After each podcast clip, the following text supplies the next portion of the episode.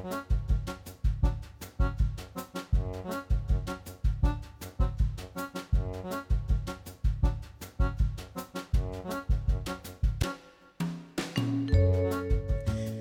og sæl, velkomin í mannlega þáttin. Í dag er miðvíkudagur og nú er bara runnin upp 14. júni. Hvorki meirinni minna. Já, hvorki meirinni minna. Júni bara hálnaður, nokkurt megin. Já, hugsa sér. Hmm. Maður fær nú alltaf hálf á, sko, maður býður og býður eftir sömurinu, Já, svo kemur það og þá líður það svo rætt. allt og rætt. Allt og rætt. Það er alveg satt. En hvernig er nú veðrið hjá ykkur fyrir norðan? Byrjum á því. Við skulum byrja á að segja bara að ég hér í stúdíun okkar, eh, ég er að bráðuna. Já, það er. Í, já, það er bara svo leiðis. Það er rosalega gott veður, það var nú gott veður í gær en það er ennþá betra í dag. Það, ég veit að það verður örgulega að loka á mörgum stöðum á akkur í dag vegna veðurs. Já, hvað eru 20 stig? Nærða því? Já, ég er nú ekki búin að kíkja á mælinn en ætli það ekki. Svei mér það. Já, Ég held að það hefur spáð 23 og ennþá meira held ég hittin fyrir austan. Þannig að það er alltaf, alltaf gerast. Alltaf gerast og þá er nú gott bara að vera í kuldanum hér fyrir sunnan, það er bara Er fínt. það ekki? Jú, jú, jú, það er mjög fínt. en ef ekki bara renna yfir svona söguna í grófum dráttum? Jú, sagan í grófum dráttum á þessum degi, 14. júni, árið 1337, þá sást halastjarnar á Íslandi. Og 1789 var viski bruggað í fyrsta sinn úr mægis af sér séra einmitt, Elja Kreg og nafn sitt fær þessi drikkur af heimil hans, Börbón. Já, já, og hann var prestur, Sierra. Já. Það er þetta eitthvað messuvíns tenging hann kannski. Kanski. 1942, Anna Frank byrjaði að halda dagbók. 1949 fyrsta þyrluflug fór fram á Íslandi til reynslu og þessi vél var tveggjasæta Bell þyrla. Og 1975 þá var ferjan Smirill að hóf hún siglingar til Seyðisfjörðar og hófust með því ferjusiglingar á milli Færi og Íslands og síðan tóku Norranna við af Smirilli árið 1983. Já, 1986 Valger G. Viljámsson gegst undir fyrstu hjarta aðgerð sem framkvæmt var á landsbítalanum í Reykjavík. Það er ekki Já. lengra síðan. Nei, hugsa sér. Já. Og þær hafa nú verið framkvæmtar margar síðan þá. Já. Og svo 1987 þá hófst söngva byltingin í Lettlandi á þessum degi. Og eigum ekki bara að uh, fara beint í uh, efnið okkar í dag. Það er, kemur hingað postkort frá Magnús R. Einarsinni og í dag ætlar hann að segja frá nokkrum áhugamálum sínum sem hann hefur verið að sinna eftir að hann gerist pensionisti eins og hann orðar það. Hann segir frá dansiðkun sinni sem hann stundar í laumi aðleit. Hann segir líka frá hljóðfærunum sínum og músikupptökum sem taka heilmikinn tíma á hverjum degi. Tungumálanámið er líka alltaf hluti af deginum og nú er það þýska sem hefur mesta ástundun þetta sumarið. Við lítum líka við á flugstöðinu á Akureyri. Þar eru mikla breytingar eh, framundan bæði utanhús en ekki síst innanhús. Í kaffeteríunni í flugstöðinu hefur hann Baldvin Sigursson, veitingamaður, staði vaktina í ein 20 ár en nú er komið að tímamótum í hans lífi en það er hans síðasti dagur á morgun. Og við uh, sett, setjumst niður með Baldvinni í flugkaffi og spjöllum við hann um þessi tímamót og lífið og tilveruna. Svo er það sumarlestur. Það er ókeipis lestrar hvetjandi námskeið fyrir krakka í þriðja til fymta bekk. Og börnin koma á bókasafnið einu sinni viku í fjórar vikur þar sem þau fá skemmtilega fræðslu og taka þátt í lestrar hvetjandi upp á komu og markmiðið er ju auðvitað að halda lestrarhæfni og haldinni við þar að segja og kynna æfintýra heim bóka fyrir börnunum. Sumalesturinn á bókasafni Árborgar hófst núna í síðustu viku og verður alla miðvikudaga í júni klukkan eitt og við ætlum að heyri inn í heiðrúnu Dóru e, Eyvindardóttur sem er bókasaft stýra þar á bæ. Já, en við ætlum að uh, skella fyrsta lægi dagsins á fónin og það er að þessu sinni lægið í kellaranum í flutningi Óðins Valdimarssonar.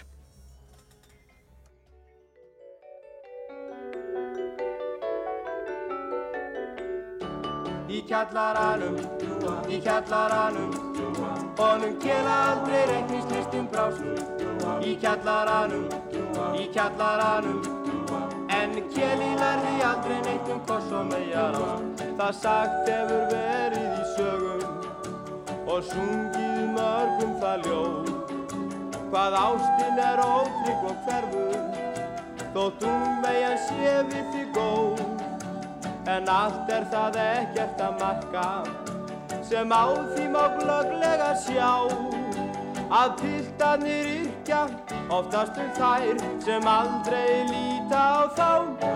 Í kjallaranum, í kjallaranum honum kjela aldrei reiknislistum brástum í kjallaranum, í kjallaranum en kjeli lærði aldrei neitt um kors og megar hann kjeli í kjallaranum fættist og kjeli var mesta efnisbarn.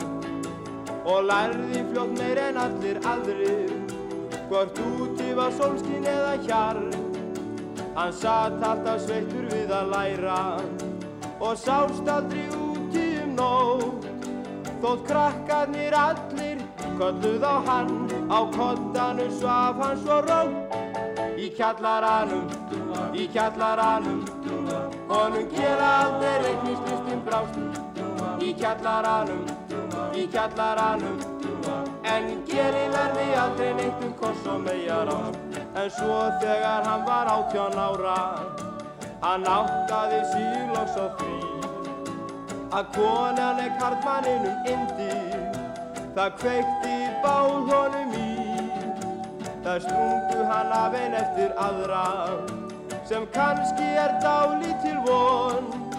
Því hann kunni minna um koss og ást en Köllu og Jón Gerreksson í kjallaranum, í kjallaranum honum kjela aldrei reiknislistin brást. Í kjallaranum, í kjallaranum en kjeli lærði aldrei neitt um koss og megar ást svo gafst hann upp á þessu öllu og orti mörg og döpur ljóð. Hver ástinni gæti verið indæl ef einhver væri honum góð. En loksins eins sem var við aldur að sér hann kjela þó tóð á endar lendi í hjónaband nú aldrei hann lítur í bók. Í kjallaranum, í kjallaranum Mánum kjela aldrei reiknislistum brást í kjallaranum, í kjallaranum en kjeli lærði aldrei neitt um koss og megar ást því kærting er kraftaleg og yðin hann kjeli má nú vinna eins og þræð og andvaka yrkir hann hvæði hver áður hann var gladur og sæl og svona það sannaðist á kjela sem sagði ég áður frá að piltarnir ættu að ykkur þær sem aldrei líta á þá. Í kjallaranum, í kjallaranum honum kjela aldrei reiknislistum brást. Í kjallaranum, í kjallaranum en kjeli verði aldrei neitt um koss og megar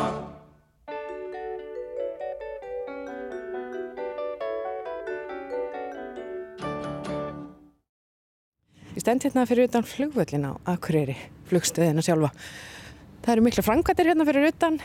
Það eru stálgrinda hús hérna búið að rýsa upp úr jörðinu bara eins og eitt fyrir bingo og það er að hefjast hérna bráðum malbygguna framkvæmdir og ímislegt.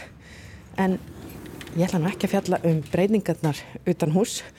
Heldur ætla ég að fara hingað inn í flugstöðina út af því að það er að verða mikla breytingar hér fyrir innan Það er maður sem hefur setið hérna vaktina í mörg herransár sem heitir Baldvin, Baldvin í flugkaffi og það er að fara að verða breytingar á þeirri starfsemi. Ég ætlaði að spjalla þess við hann. Jæja, nú erum við sest hérna niður í gestarýmið eh, hér í flugkaffinu á Akureyra og hjá mér situr sjálfur vertin Baldvin Sigursson í flugkaffi. Kondur sæl. Kondur blessuð og velkomin. Situr oft hérna frammi? Nei, ég hef yfirlega aldrei tíma til þess. En ef það er mjög góð saga í gangi þá neyðist ég stundum til að fara fram og þá verður það bara að brenna sem er á pönnunni ef að sagan er það góð sko. Annars veistu það við kallar tölum aldrei það er bara konu sem kæfta auðvita, auðvita, það er aldrei því, sko. þó að steikinn brennir stundum við í miðri sögu. En þú ert búin að bjóða mér hérna upp á kaffi og dýrindis pönnuköku. Hver er galdur en við að búa til goða pönnukökur? Það er að búa til gott deg með mörgum eggjum og svo setur þið slatt af vanildrópum, svo færðu þér eina konna kaffi fulla, drekkur tvo sopa og setur restin út í pönnukökunar. Það er galdurinn. Það er galdurinn. Ég verði að prófa þetta. Og þá ertu sko búin að smakka það Já. og veist að það er gott og stert og restin fyrir pönnukökunar. En þú segir einhvern frá því. Náttúrulega. Algjörlega ekki. Ég var búin að segja hérna fólki að það, er, það eru breytingar í vændum. Hvaða breytingar? Já, nú er sko flugkaffi eh, og baldvin að hætta og nýjir að taka við. Og það er náttúrulega mjög mikil breyting af því að maður hefur nú svo sem verið bara í vinnunni síðustu 20 árin frá 6 á mótnana til 9 á kvöldin. Svona 363 daga ári.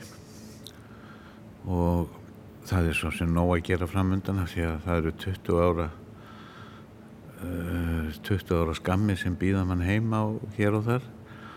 Og svo þarf maður kannski að komast inn í bara eðlegan gang samfélagsins og, og pröfa að gera eitthvað annað heldur en að vinna. En þetta er samt búið að vera skemmtilegu tími og maður er búin að kynast hálfur í þjóðinni hérna. Og hér má maður svona rífa kæft við allt og alla um pólitík og hvað sem er og, og, og menn orðni vani mér og svara mér að bragði og, og það er oft bara gaman. En Baldvin, eins og þú segir, þú ert búin að vera hérna í 20 ár, en hvað var til þess að þú komst hinga fyrst svona fyrir þessum 20 árum? Það voru gluggarnir. Þannig var að ég vann upp í Hrísalundi og var að elda þar mat, fleiri undur skamt að mat á dag, en það var þó það mikið að gera að ég þurfti að lappa smá ræmu til að komast undir bertloft og, og sjá út. En það var engin gluggi á vinnu uh, rýminu sem ég var í. Þannig að þegar ég sá að þetta var að losna hérna og allir þessi gluggar þá svona var ég bara komin út í náttúruna. Og ég svona einhvern veginn ég líklega þóli ítla verið inni í lokaður á þess að sjá út. Sækjur um mikið út í náttúruna svona almennt? Já, ef ég kemst þá ger ég það. Þó það sé bara út í garð. En ég það nú að fara sko ég á badnabad sem er hundur og, og heiti Dimma og ég þarf að fara með hana sko hverjum degi aðeins út eftir háttegið og leifin að hlaupa og þá fæ ég að viðra mig líka sko. Menn hafa nú spurt hvort ykkar er að viðra hvort þegar þeir hafa mætt mér á göngu. Þetta er svona samvinnuverkefni. Það er svona samvinnuverkefni En þú hefur nú verið þekktur fyrir veitingarna þínar hérna sem að má kannski segja séu af svona þjóðlegum toga eða svona þessi bara gamla klassiska matagerð. Þú býður upp á kótelettur og hátegismat í háteginu, svo ertu með þessar pönnukökur, fisk, já, og soðunabröði með hangikjötinu. Það gerist ekki mikið eifiskara, sko. heldur en soðibröð með hangikjöti, það er, það er alveg af svæðinu hérna, sko. Og þegar maður kom á skólanum í gamla daga og mæður okkar voru nýmúrnum að steikja kleinur, þá tók það helmingin að deginu og byggur til svoðibrið og stekti í sömu fyttunni og það var náttúrulega nótu tólkið þá dag það vantar náttúrulega það bragði í okkar. En að koma heim úr skólan og fá nýbakaða kleinur og svoðibrið með osti uh, rektri rúlupilsi eða hangikjöti það var ekki til neitt betra í lífinu. En svo, svo kom pillan og, og allt þetta og konarna fór að vinna úti. Því líka vittleis það er nótalegt að hafa mömmu heima koma heim þreyttur og songur úr skólanum og, og, og það er dúla við mann. Nú hefur maður bara líkil sem kona þá verði ég nú að vera ósamalaður og segja þetta var nú góð breyting. Að sjálfsögðu var þetta góð breyting og tímabær. Og en, en sko við meðum þó eiga það að við áttum svo öflugar konur upp úr 60 úr öllum stjórnmálflokkum þó er kannski að vera mest í vinstri að þær komu hlutunum í gegna og undan öðrum löndum. Þær voru það öflugar og fólk neytist til að taka marka á þeim. Og ég man eftir í, í mínu flokki sem var allþjóðu bandalegi að Guðrún Helgadóttir í 200 uh, þeir hafa komið að þeirra að verða ráð þeirra en það var náttúrulega ekki hægt að kalla henni voru svo frekir, við vorum svo frekir við ríðum, og hún var að gera að fórsetta þingsins, ég man það. Það er ígildi ráð þeirra sæti sko En þú hefur fengið hérna að ræða um pólitík og menn og málefni og hefur notið þess hérna í flugkaffinu? Já, já, reglulega, reglulega. Og það einkynlega er að í öllum flokkum er gott fólk. Og, og hérna, maður finnur það þegar maður kynnist þeim Þú eru bara að fara í frambóð, þú er tættur í þessum hérna, veitingarekstur hérna út á flugulli. Er það ekki bara næsta í, í, í, í þínu lífi? Það segja vini mínir, þeir, þeir spyrja í hvaða flokk eigum að ganga næst af því ég á nokkra fylgismenn hérna sem borða hjá mér á förstu dögum, erum búin að gera í hvað átján ár ræðverastrákarnir og, og þeir hafa bara kostið það sem ég segi þeim sko og svo hef ég nú stopnað stjórnmáluflokk og verið í frambóði sjálfur og svona. Það er aðeinslega gaman sko en mér hefur þó lærst að það er ekki saman að fara í frambóðan á árangri. E, þú verður náttúrulega að, að, að hérna komast á toppin og hafa marga með þér. Og það er svo agalega margt í okkar þjóðfélagi. Þó að þjóðfélagi okkar sé að mörguleiti mjög gott þá eru samt 7000 börn fátæk. Það eru 7000 börn sem kannski get ekki borðað í grunnskólanum að það er ekki borgað fyrir það maturinn þau get ekki verið í íþróttum af því það er ekki til auð fyrir efingagjöldum þau er ekki almeinlega skó til að vera eins og henni krakkarnir. Þau er kannski ekki almeinlegt reyðhjó og þessi börn eru í hættu af því að þau ef þau eru ekki í íþróttum og innan um uh, skólasískinu sín þá getur það fallið út af vagninu og ef að illa fer þá getur einn svona einstaklingur kostað þjóðfélagi 1-2 miljardar þess vegna er það ódýrasta sem við getum gert það er að, að, að, að taka á þessu vandamáli. Já. En aðeins að sko, þú ert að tala um börnin, hvernig batn varst þú? Ég, já. Varstu uppáttækið samur og alltaf í eldhúsinu og hefur verið já. innan um mat alltaf tíð? Mamma sagði ég hefði verið afar þægur já. fram eftir æskunni sko. Og, og, og, en ég hef alltaf verið afskaplega kæft fór mm. og ég hef svo sem svona aldrei orði fyrir aðkast eða neyn út því að munnurinn á mér hann hefur alltaf bjargað mig frá öllum slíkum vandræðum. En ég átti bara indíslega æsku hérna á Akureyri og ég var í Otterarskólanum og innan um góða félaga. Og eftir áramótin þá fórum við bara beint út á poll að veiða og skautum eða að fara í jakkalöp og skipin gerðu sko rennu inn að bryggja þá var bara tornunisbryggjan og svo hljöpum við yfir og fóreldarnir alveg brjálaður öðrum einn og löggan hinnum einn og svo hljöpum við á jökonum yfir. Svo mörgum árum setna þá ætlaði ég að sína hópi fólks hvernig maður færi jakkalöp og ég fór á stað en ég kvarf ég glemdi því að þegar maður er tíu ára þá maður aðeins léttari heldur en þegar maður finntur og það var mikið leið að mér. Svo hafa bara alls konar skonnir og skemmtilega hluti gest hérna. Já. Hérna í flugkaffinu? Já, mm. einu sinni voru hér þrjár vinkonur mín að fullorna konur sem vesluðu mikið við mig upp í Rísalundi og þær við erum að horfa út um gluggan og spjalla og hann ragnar í afgræslunni hann var slæmur í bakinn svo hann lagaðist á færibandi og rann inn í vélina og þær horfðu á eftir um af hverju liggur maður þann og þá sagði ég við það Já, ég hef alltaf kunnað afskaplega illa við þegar verið er að flytja lík hérna óvarinn og millir landsluta. Þó maður sé ekki efna maður þannig að þetta sláut hann mann í pappakassa þó það væri ekki anna. Og gömlu konuna voru svo nexlar þar átti náttúrulega ekki orð. Þær sáu fram á að líki lægi og á törskunum þeir og leiðin í söður og þær voru svo mikið nexlar ég gati ekki leiði þetta. Þetta var á fyndi til þér. En svona vittlisur gerast. Áttu fleiri svona vittlisur sögur? Já ég er náttúrulega leiðrætti þetta við konundan á hann að fóra voru, mér þótti vænt það það voru vinkunum þetta var að akkurir sko hásnopp innan og bæ sko þannig að voru að koma rétt fram í slíkar frýr. Einu sinni voru tvær vinkunum mínar hérna og þær eru kannski ekki skærustu stjórnundan á norðurhimninum en indalismanneskjör og, og, og, og hafa alltaf bjergað sér í lífin og ég, þannig var að Andrés Bakari vissi að mér þykja jólakökur góðar upp á gamla máði með rúsinum og, og, og, og drópum og svona og hann býr til bestu jólakökur í heimi. Og hann færði mér stundum jólakökur þegar hann átti leið hjá.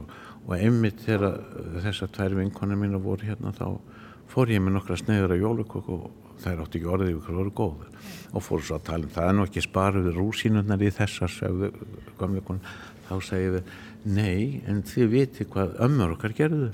Þegar rúsinu voru dýrar hjá kaupmanninu það þurfti mörg lömb og, öllar lagðana til að kaupa inn á höstin þær höfðu vit á því í hlóðareltúrsunum af því að þar hengdi maður kjöti þar fylltist alltaf fiskiflögu og, og, og uh, þá var svo auðvelt að grýpa einu og einu og þær þrættu þær upp á nál og höfðu þær í böndum fyrir ofan og þurkuðu þær svo þegar var búin til góður mjölkugrautur eða lumur þá tók þær eina lúka á rúsinum og eitt banda fiskiflugu og settu sama við og, og er náttúrulega bara uh, fullt af ekki kvittu efnum í þessu og, og, og vítamin og enginn fattaði neitt. Þetta þótti bara herramannsgrautur og lumur og blessu önnur vinkona mín hann held áfram að tiggja smástund svo fór hún svona upp í sig og dróð út eina rúsinu og skoða hann hún var ekki vissun um að ég hefði verið að spara og setja eina fiskiflug eða svo í hana. Já, já, svona vittlis að gerist. Já. en það er ekki, það er bara í góðu. Það er bara í góðu. En talandu um mat og matseldu þú hefur nú fengist við bara að vera hérna með hátægismat og ímislegt í gegnum tíðina. Hvað finnst þér skemmtilegast að matbúa og, og bjóða upp á hérna og hefur þér fundist í gegnum tíðina Já, ég var bara segja, helst bara eh, kallamat, það eru kallar sem borða hjá mér og þeir vilja kallamat. Þannig er að konurnar okkar, þær vilja ekki að við rökkum upp að með hjartasjúkdóma og annað, þannig að þær eru farin að spara við okkur ímislegt, til dæmis feitt kjött. Þar kem ég inn sterkur og þær sjá ekki til þegar kallarnir að borða hérna hjá mér í hátteginu. Uh, Spík, hveitt saltkjött og bönir, kjöt og kjötsúpu eða eitthvað álíka kótilettur í raspi. Vel stektar með skorpu og, og mikið að sultu og sikubrúnaðan karteflu þetta er matur sem það fá ekki mikið heima því að konunni þykja vænta mennina sín. Og, og ég hef búin að vinna í eldhúsi sko í 55 ár. Og mér finnst bara alltaf gaman að elda ég hef bara segja eins og það getur verið að ég kunni ekkit annað í sjálf en það er svo mikið reynd á því ég er búin að vera inn í eldhúsi mest allavega Þú tala mikið um, um kallana sem kom hingað og borða hjá þér. Hvað verður svo um þennan kallarklub sem hefur komið hingað í 18 ár, fær hjá þér spik, feitt kjött og, og, og gummilaði? Hvað verður um þennan hóp? Hann náttúrulega leggur af en það sem betur fyrr þá var bara komin tími til þess og, og ég held nú að hann Leiló sem tekur við að mér verði kannski ekki með saltfisk, hamsatólk, brennheita nýbaka rúbröð frá andri sem er smjöri og, og, og rófur og karteflur en það verður ábyggilega eitthvað annað þó það verður í, svona, e e eitthvað söðurætna þá verður það ábyggilega gott líka. Já, út af því að uh, þú ert að hætta. Já, hvenar er síðasti dagurinn hér í flugkaffinu? Já, ég ætla að gefa strákonum hjá Ísafíja saltkjötsfast bollur á morgun heimalagaður frá grunni með mús fullt af smjöri, káli og róum. Það verður það síðasta sem verður borða hjá mér hérna. Það er við hæfi af því að Ísafíu strákarnir mínu þeir hafa borða hjá mér í mörg mörg ár. Og sko ástæðan fyrir líklega að maður er búin að vera hérna svona lengi er svo að mórallin og akkuraflugulli hefur alltaf verið góður og þannig að, að það verður bara eftir sig á því Já. þegar ég sest heim og, og hlusta á sögur konu minnar og heyri tífið í prjónunum hvað sem ég endist lengi því en ég þarf nú samt áfram að fara út með hundin já, já. þannig að einhver, einhverja reyfingu fæ ég já. En hvað er meira framöndan heldur en að fara út með hundin og svona þetta, þetta daglega amstur hvað serðu fyrir þér? Já, kona mín hefur einu sinni farið í sömalefi með mér þá fórum við um vestfyrði þannig að hínir partarnir eru allir eftir þannig að nú verð ég að fara og, og, og, og keira eitthvað um landið og kannski fara til útlanda með barnabönnin eða eitthvað skemmt til. En fyrst þarf ég að mála húsið og íbúðina og skiptum þak á því. Þetta verður allt setið á hakanum í 20 ár. Svo þarf ég að mæta oddfellofundi sem ég ekki gert í 20 ár og hitta alla vini mína þar indíslega kalla það er bara eh, ef mér endist líf og helsa þá eh, af því ég er lífsglæður og eðlisfæri þá kem ég bara til með að hafa það gott Það er nóg að gera, heyr ég. Það er nóg að gera. Svo kannski fer ég bara í frambóð og reyna að verða fórsetis á þeirra. Og þá ætlum ég að gera allt svo gott. Þannig að allir geti haft í sig og á. Það er bara draumur minn. Baldvin Sigursson hér í flugkaffi. Sagt, í flugkaffi þanga til á morgun og þá tekum við nýr kapli hjá þér. Takk fyrir að spjalla við mig og gangið vel í framtíðinni. Takk fyrir sömu leiðis.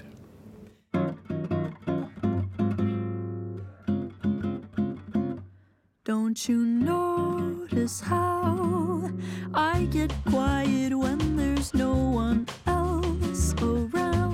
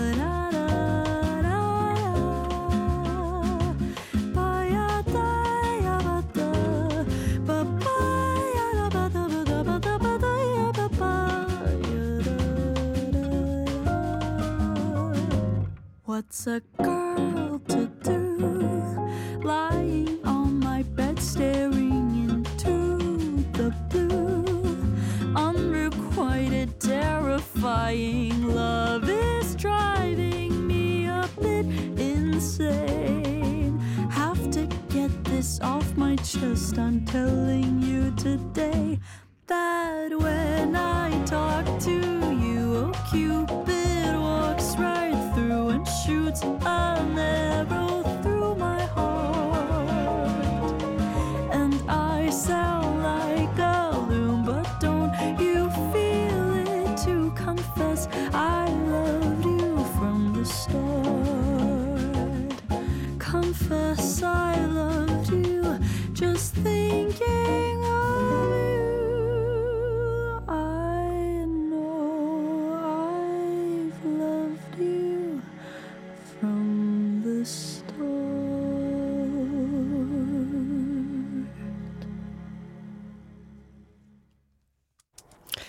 hér heyrðum við henni Laufey með lagið From the Start, lag eftir hana. Alveg glænýtt. Já, þetta er alveg frábær eh, hérna, tónlistakona, hún laufi, indislegt að hlusta á hana. Lindislegt. Við tölum hér upphafi um sumalesturinn sem er ókipis les, lestrar hvetjandi námski fyrir krakka í þriðja til fymta bekk og á Selfossi þá hóst sumalestur á bókasafna Árborgar í, í síðustu viku, 7. júni og verður alla miðvikudaga mánaðarins klukkan eitt þannig að eh, næsti lestur er einmitt bara eftir einn og halvan tíma og Heiðrún Dóra Eyvindardóttir er bókasatt stýra á bókasatni Árborgar og hún er á línunni Kondu Sæl. Kondu sæl og blessuð. Þetta er nú ekki í fyrsta skipti sem þið er með sumalesturinn. Hvenar, hvenar hófst þetta hjá okkur? Herðu, það, það er sko ammæli núna. Við, þetta er í þrítugasta skipti sem við uh, höfum sumalestur hjá okkur. Og uppháfsmaður að þessu var uh, bókasarsfræðingur sem að vann hér til margra ára, Sigriður Mattiastóttir, algjörlega brilljant kona sem að, á þessa hugmynd hér á Íslandi reynda tekið upp eftir amerískri fyrirmynd en hún var uppásmaðurinn af þessu og hún byrjaði á því að hafa þemað hérna, sjóin og hafið og það er það sem við erum að gera núna þannig að við erum svona að halda upp á bæði, bæði amalið og að halda upp á syrri í rauninni líka. Já. Þannig að nú erum við með sjáarþema. Já. Og svona hvernig byrtist það? Þema hjá ykkur? Heyrðu, það byrtist, það byrtist sko alveg því að það er búið að skreita barnadeildina alveg upp úr og niður úr með alls konar sjáardýrum E, aðalega er þetta nú sko alvöru fiskar sem að, sem að finnast hér í kringum uh, eða alvöru sjávatir sem finnast hér í kringum landið en svo eru þau líka búin að setja upp svona lítið hotn af, af, af svona þjóðsagna verum og bara já svona skemmtilegri sköpun því að það eru til alls konar hérna svona þjóðsagna skrýmsli fjörulallar og múskveli og alls konar kynja skeppnur og þær eru komnar þarna upp líka. En, en svo er sko, svo er alltaf sett upp uh, í sumalestrinum, þá er sett upp einhver, einhver svona til þess að setja lestramiðana á því að krakkarnir lesa og þau skrifa á lestramiða hvaða bók þau eru búin að lesa og setja nafni sitt á þetta. Og hérna, nú er sem sagt net upp í lofti og þar ofinni þau eru að hjálpa staðið við að fylla netið af, af fiskum. Þau skrifa á litla fiska Já. og fylla netið af, af bókatillunum sem þau eru búin að lesa, eða sem þau lesa í sumar. Það er eins og þau segja veiða þá bara bækur? Já, þau eru veiða bækur. og þau gera þetta alltaf þetta eh, í fyrra til dæmis, þá var, var teiknumynda eh, sögu þema, svona eh, tinni og aðra teiknumynda hetjur og þá settu þau gorm hérna utanum, utanum eina súluna hjá okkur og krakkarnir skrifuðu lesframiðinni voru sko, þau bættu við skottið á gormi þannig að skottið fór ring eftir ringi kringum súluna og hérna þetta er svolítið, mér finnst þetta svona þetta er skemmtilegt og fallegt af því þau eru að hjálpast af við að uh, lesa sem flesta bækur, þetta er ekki einstaklingskeppni sko heldur er bara að vera að hjálpast að gera sem mest. Já, Þegar Astrid Lindgren var þá var þetta, þá voru þetta gullpenningar sem var skrifað á og sett í fjársustkistunina línu. Já, já. Þannig að, já, þetta voru skemmtilegt og mjög lestra hvetjandi. Og svo fáið þið ykkur að gesti til ykkar sem að hjálpa ykkur aðeins við þetta. Hvernig, hvernig eh, er það útvært? Það er, núna í dag til dæmis, er sjómaður á leiðinu til okkar með bara aflansinn og það er hérna plast klæðaborð hérna upp í, í barnadeild til þess að hann getur bara smelt aflanum sínum þar á borðið og sínt krökkunum. Og ég veit að ég eru rúsa spenntið verið að þetta er kynnt fyrir þeim núna á fyrsta lestrinum sko. Og, og hérna þau eru mjög spennt að sjá þetta. Við ætluðum náttúrulega að fá svona gott veður eins og var ekki ær sko þannig að við getum gert þetta úti en trúlega verðum við bara að vera með þetta hérna inni á saminu. Já. Það er svona svolítið nýtt og spennandi. Það er svolítið nýtt og spennandi. Ætlar hann að, eða hún, að slæja fiskin bara þarna á borðinu eða hvað? Það veit það ekki. Það kemur í ljós. Það kemur í ljós. Það var eitthvað kíkt á hann að minnst að kosti. En hann saðist þeirra með fullt af tegundum. Já, spennandi. Mjög Þetta verður skemmtilegt fyrir börnin. Ójá, svo, svo er hérna stjórnusævar á leiðinni til okkar uh, næsta uh, í næsta sumalesta næsta miðugudag og svo endar þetta alltaf á ratleik og það er, svona, það er mjög skemmtilegt alltaf, mjög gaman. Og svo eru alltaf, við erum með bókavelun alltaf þannig að það er einhverju þrýr sem að fá velun fyrir, hérna, í, í, í hverjum lestri. Já, já. Eh, Hafa hérna börnin verið mörg sem hafa svona komið reglulega á þetta og er þetta kannski sami hópurinn sem vill ekki missa af? Já, þetta er mikið, þetta er mikið sömu krakkarnir þeir sem byrja þeir hætta yfirleitt ekki eftir sko. Við erum með núna í kringum, við erum með núna uh, rúmlega 40 börn sem eru í þessu og hérna sem er aldrei stór hópur sko en, en allt í lagi. Og bara mjög gaman að fá svona stóran hóp og hérna eh, þannig að það er, það er alltaf mikil spenna fyrir þessu og, og, og hérna ég, ég, við vorum með stæsta hópin vorum við með þegar við vorum með Harry Potter þá vorum við með sko tvo hópa fyrir og eftir háti af því það var alveg ég held að Harry yfir hundrað krakka Jaha.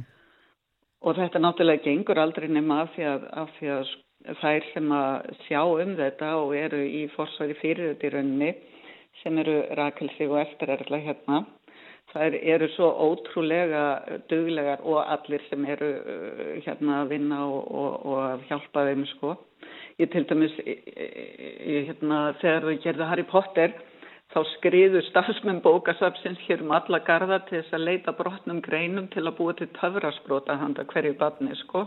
Já. Og hérna það er náttúrulega eh, þýðir ekki fyrir einhvern yfirmann að segja fólki að gera svona þetta er bara hægt hérna er með svona ótrúlega frábært starfsfólk sko. Já. Og Já, þá var það líka þannig að, að hérna, mammenar Ester er okkur lefnilega langaði svo að hengja svona kerti upp í loft eins og er í Hogwarts skólanum. Já. En það var svolítið erfitt að, að hengja kerti upp í loft. En þá tók mammenar Ester að sér til og heklaði fyrir okkur loft, bara fleiri fermetra af lofti. Já, Þannig að við gáttum hengt já. kerti í er Þannig að það er allir að hjálpa staðið að gera þetta frábært. Já, ekki spurning. Nú er bókasafni staðsett eh, á, já, skemmtilegum og ábyrrandi stað, bara við ringtorki þegar maður ekur yfir brúna og inn í bæinn. Já. E, hefur þessi staðsetning áhrif? Eða, og hefur þetta eitthvað breyst? skiptir alveg rosalega miklu máli fyrir, fyrir bókasafn. Sko. Það skiptir svo miklu máli að vera miðsvæðis þannig að fólk geti bæði þegar það er á einhver erindi í miðbæin eða í, í krónuna eða hvað sem er að það geti þá hérna röst hér inn og, og sest og þú veist rekist hingað inn í rauninni. Það, það skiptir okkur alveg ofbúslega miklu máli fyrir svo utan að við erum í þessu fallegasta húsi uh, á Selfossi með stóra glugga sem við getum auglist viðburðina, uh, viðburðina hjá okkur í. Þannig að já, við, það skiptir svo miklu máli og, og við höfum verið svo uh, mikið ánáðu hamingisum með að fá að vera hér sko. Já, og nýji miðbærin hefur hann hjálpað til, ef eitthvað er? Já, hann hjálpar til, hann hjálpar til, hann, hann bara, hann breytir bara svolítið landslæginu á Selfossi. Nú er þetta orðin staður til þess að stoppa og vera á sko. Meira heldur en þetta var í rauninni eh, svona ef maður horfir á þetta frá, eh, tú, með túristaugum að þá var þetta svolítið góður staður bara til þess að, til þess að gista og fara í allar áttur en núna kemur fólk hérna beinlinnist til þess að fara í miðbæinn og kemur þá gerna hér inn á, á hérna, bókasafnið af því að bókasafnið hér eins og öllunum bókasafn á landinu er að, að breytast mikið í þá átt að vera þessi þriði staður sem að kallar það er að segja staðurinn þar sem kemur sem er ekki vinnan þín og ekki heimilið þitt heldur þú getur komið hér inn og, og hérna bara látið fara vel um þig og hitt fólk eða ekki hitt fólk og spjallað eða ekki spjallað og, og bara átt hér góða stund og, og við erum að, að gera alltaf meira og meira í því að, að, að hérna, gera þennan stað aðlaðandi eh, sem slíkan. Já, ekki spurning. Og ég held okkur sér að takast vel upp með það sko. Já, er það ekki? Og svona rétt bara í, Ó, já. lo, í lokin, eh, það er sem sagt lestur nummer tvö í dag, núna klukkan Já. eitt Já, og uh, þá kemur fiskurinn, þá sterkurinn. kemur fiskurinn. Já, Svo er lestu nummer þrjú og þá kemur stjörninsævar og svo nummer fjögur og þá er alleikurinn. já, alla miðvikuta klukkan eitt á bókasafni. Árborgar á Selfossi. Kæra þakki fyrir spjallið, Heirún Dóra. Eyvindardóttir og bara góða skemmtun í dag. Ó, þakka þér fyrir. Takk, takk. Bless, bless.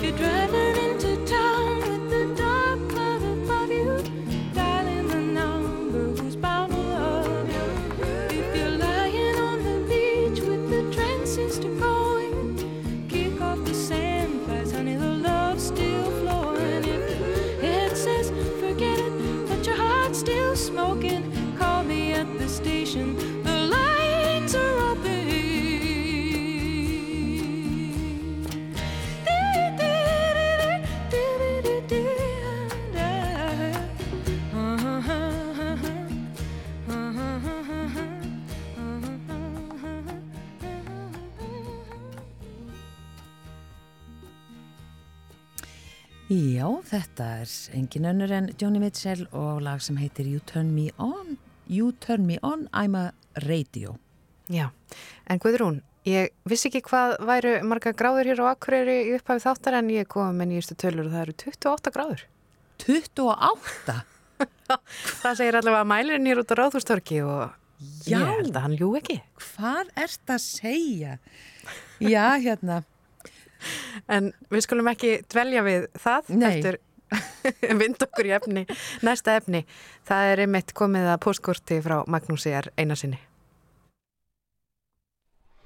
Heil og sæl. Eiginlega það eina sem mér fannst óþægilegt eftir að ég fór af vinnumarkað og gerðist pensjonisti var svo tilfinning að ég væri alltaf að svíkjastum.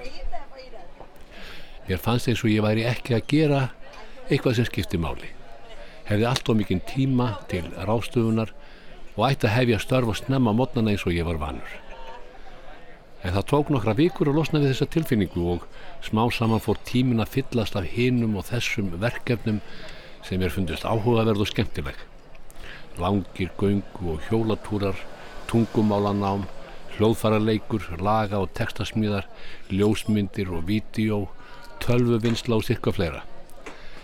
Og áður en ég vissi af var ég orðin önnum kafinn frá morgni til kvölds. Eitt af því sem ég tók upp á þessu breytingaskeiði var að dansa. Já, dansa einn heima í stofu.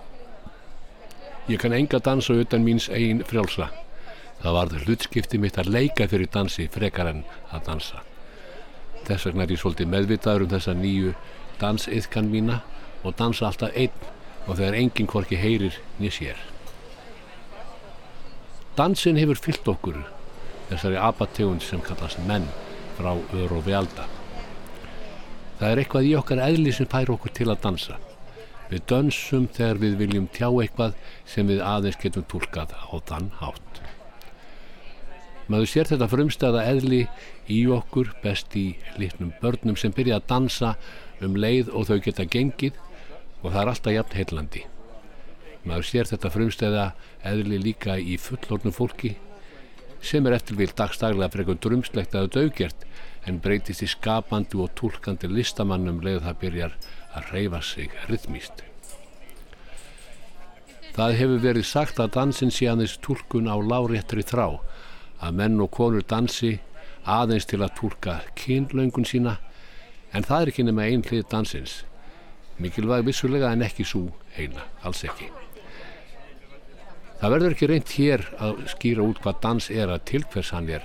Hann er jafn markbreytilegur og lífið sjálft. Og það eru tískubilgjur í dansinum eins og allir vita. Í dag er það eitthvað sem ég veit ekki hvað er og skiptir mikið máli. En það eru sífæld að nýjungar að eiga sér stað og, og það geta allir dansað með einum eða öðrum hætti og dansin hefur verið þróaður upp í fáaða list. Á undanförnum næstum 50 árum hefur dans verið að þróast í ýmstar áhugaverðar áttir. Ekki síst vegna þess hversu holl reyfing dansin er. Dans sem listgrein krefst andlegra og líkamlegra hæfileika sem ekki eru öllum gefnir. En allir geta hreift sig rytmíst þó ekki sé nema með einni tá eða fingri. Og það er heilandi, seiðandi og töfrandi að gefa sér valda rytmans og dansa. Út í Ameríku bjó kona sem hétt Gabrielle Roth sem var dansgúru. Hún skrifaði bókum dans seint á áttunda áratug liðinar aldar þar sem hún setti fram kenningar um tilgang og eðli dansins. Og þarna er á ferðinni heilmikil speki sem kannski er tengt við það sem við köllum nýjöld en heitur nú kannski eitthvað annað núna, núvitund. Bókin kallast Sweat Your Prayers, Movement as Spiritual Practice. Svitnaðu í bæn reyfing sem andleg æfing og samkvæmt þessum nýmóðins kenningum um dans þá ámaður að beina hennu grófa afli rytma sín á braud sem leiðir til aga, veitir tilgang og laðar fram hinn vilda og æðiskegna dansara sem býr indra með hverju manni stendur í bókinni hjá Gabriel Roth. Það er viltur dansar í okkur öllum, hvorki meira enn í minna. En samkvæmt kenningunni þá er dansin bæn og miljónir mannar eru farið að stunda þennan bænadans. Þetta er ekki dans eins og við þekkjum hann. Menn læri ekki spór eða taka upp venjulegt hald eins og sagt var í dansskólum í den. Nei, nú er það agað frelsi sem ríkir. Menn dansa einir eða í hóp og dansin hefur fimm stig. Fyrst er byrjað á flæði sem þykir auðvelt, síðan koma stakkadó, snöggar, reyfingar þar sem dansarinn minnir helst á karateboksara og þetta þykir erfitt. Þessu næst ríkir kás og þá er allt leifilegt og fjórðastíð er hið ljóðuræna, þá breytast menn í blóm eða eitthvað indistlegt og reynar fyrir sér í lýriskum reyfingum. Þessi dans tekur minnst einn og halvan tíma í allt og loka stíð er kyrðin, fymta stíð. Þá standa menn gerna mjög reyfingarlittir, reyfa sig jafnvel ekki neitt í lengri tíma en eru samt að dansa sjálfsögðu. Þessi fimm stig spanna alla æfina. Flæðið er fæðingin, stakkadóið er benskan, káosið unglísárin, ljóðrannastíð eru þroska árin og kyrðin táknar endorlókin. Dauðan. Því eins og þögnum getur sagt meir en mörg orð, getur kyrðin orðið æsilegri en nokkur hreyfing, saði Gabrieli Roth danskúrum og það veit hún kannski best sjálf akkurat núna því hún lést 71 árs að aldrei fyrir 11 árum. Ég viðkenni nú strax að ég nenni nú ekki að fylgja þessum heimsbyggjalugu dansleiðbenningum nema kannski að hluta til. Nú ferur svona svolítið eftir músikinni sem ég fylgi. Helst vil ég hlusta á arabíska tónlist þegar ég dansa mín solo, stundum jazz og latin, einstaklega Creedence, Clearwater Revival eða Stones. Annað sem tekur mikinn tíma hjá mér í þessu pensjónati eru hljóðfærið mín. Ég á nokkra gítara, bæði ramas og akústíska og ég er með eina þrjá magnara mín sem gerðum og svo ég elskist petala og stafrænar græjur til að laða fram þann tón sem er hugnast hverju sinni. En ég fór fyrstin í hljóðverð til að taka upp tónlist vorið 1974. Það var með göfginni í sálinni sem maður gekk þar inn. Þar komust fáir í þá stöðu á þeim tíma að fá útgefanda sem var tilbúin að kaupa rándir af stúdiotíma fyrir söngva þeirra og tónlist. Nú þetta var fjögura rása stúdjó sem þótti ok og þarna voru við í nokkra daga að taka upp ein 11 lög og maður gekk út úr stúdjónum sem breyttur maður eða sem breyttur músikant allega og ég vissi að ég þyrti minnst þrjá gítara til að svala minni þörf. Einn ramags, einn akústískan og einn resofónískan.